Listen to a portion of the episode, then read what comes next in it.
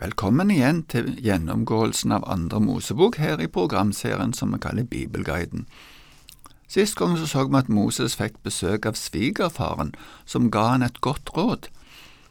De hadde allerede kommet ganske nær til Horeb på Sinai, og nå skal vi se på det som skjer der. Vi skal først lese de første åtte versene i kapittel 19. Israelittene kom til Sinai-ørkenen i den tredje måneden etter at de hadde dratt ut av Egypt på nymånedagen. De brøt opp fra Refidim og kom til Sinai-ørkenen.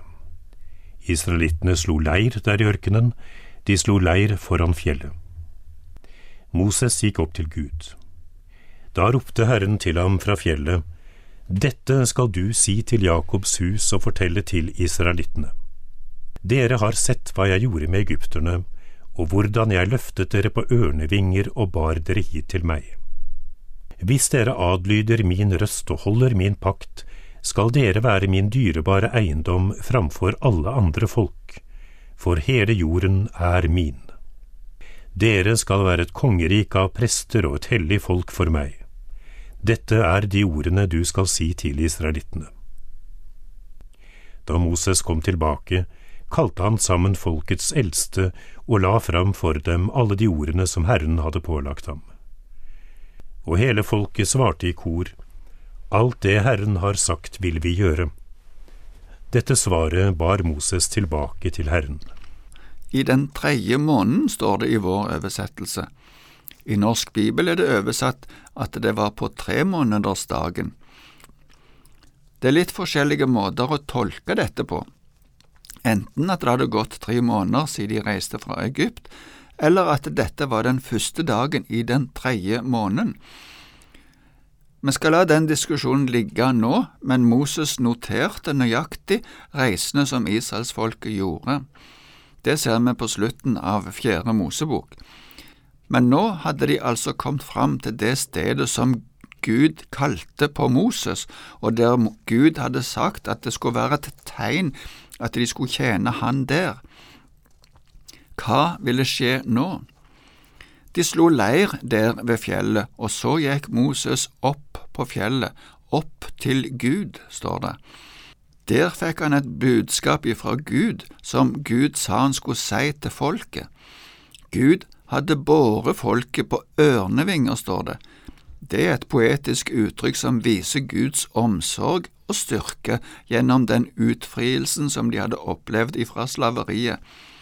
Nå får de et tilbud om å bli Guds spesielle folk, Guds dyrebare eiendom.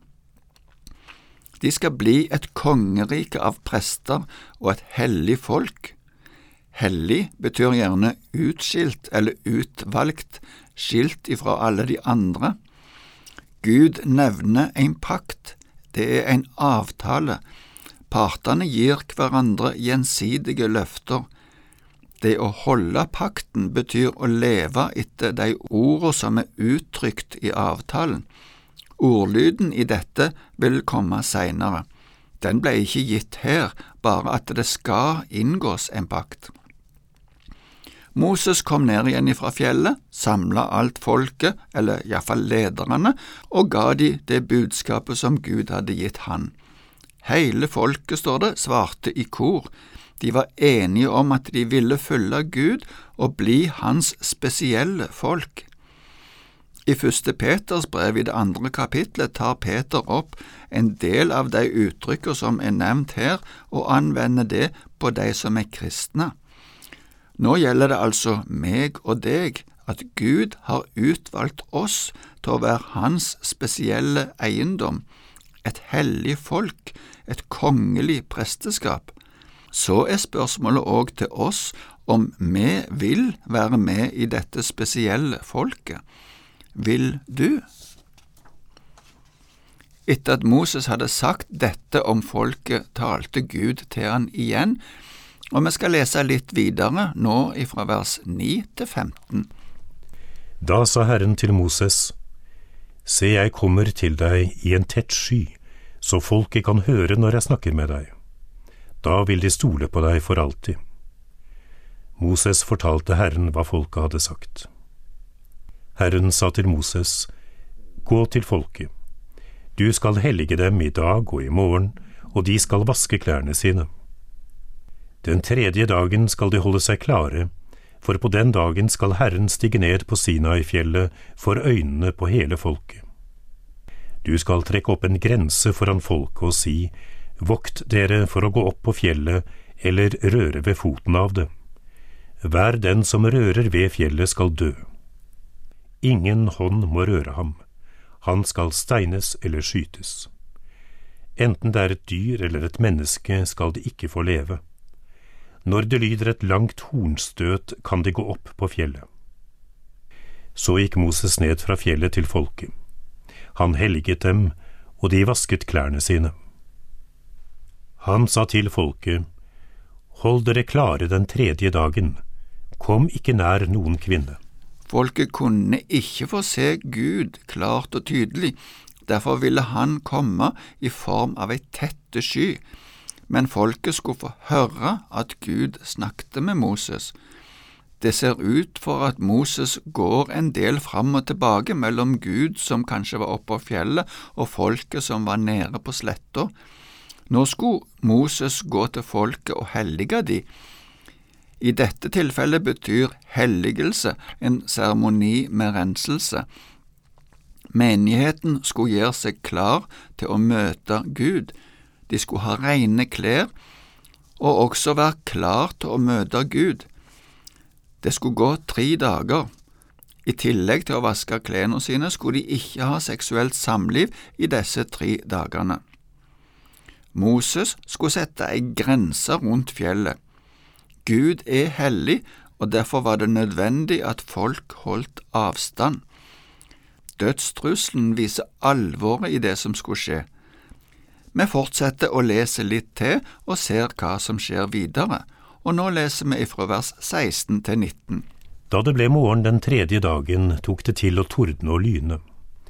En tung sky la seg over fjellet, og det gjallet høyt fra bukkehorn. Alt folket i leiren skalv av redsel. Men Moses førte folket ut av leiren for å møte Gud, og de stilte seg ved foten av fjellet.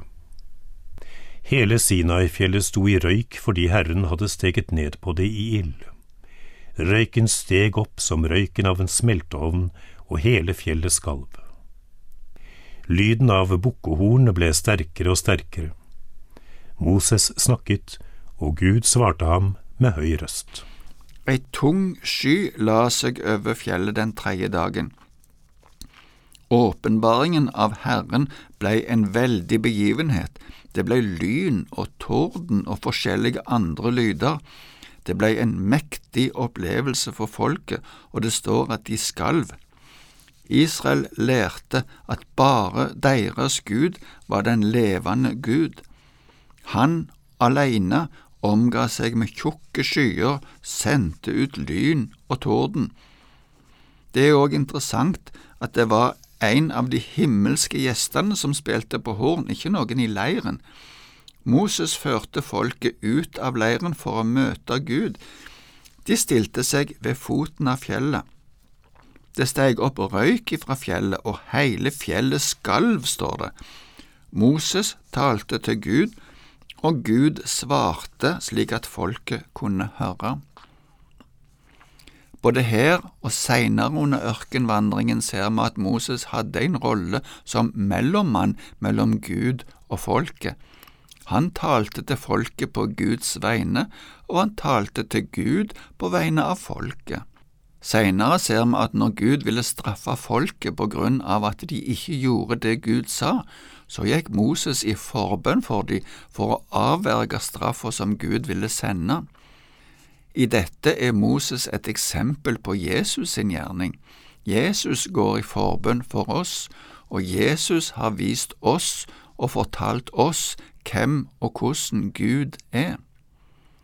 Vi skal lese resten av kapittelet fra vers 20 til 25. Da steg Herren ned på toppen av Sinai-fjellet. Herren kalte Moses opp til toppen av fjellet, og Moses gikk opp. Herren sa til ham, Gå ned og advar folket så de ikke trenger seg fram til Herren for å se, for da kommer mange av dem til å falle. Selv prestene som ellers får tre fram for Herren, må hellige seg, for at Herren ikke skal bryte inn blant dem. Da sa Moses til Herren, Folket kan ikke gå på Sinai-fjellet, for du har selv advart oss og sagt, Trekk opp en grense rundt fjellet og lys det hellig. Herren sa til ham, Gå ned og kom så opp igjen sammen med Aron. Men prestene og folket må ikke trenge seg fram for å gå opp til Herren, for da bryter han inn blant dem. Da gikk Moses ned til folket og sa det til dem. Herren steg ned på toppen, står det. Moses ble kalt opp dit, og Moses gikk opp igjen. Folket på sletta skalv, leste vi tidligere. Det var en skremmende opplevelse, men Moses gikk opp allikevel. Det blir igjen understreket kraftig at ingen kunne komme nær Gud uten å ha blitt rensa. Folket måtte få enda en ny advarsel. Ikke engang prestene kunne komme nær Gud uten å gå gjennom en renselse slik at de ble hellige. Det kunne føre til at Gud brøt inn iblant de, og det ville underforstått føre til død for dem.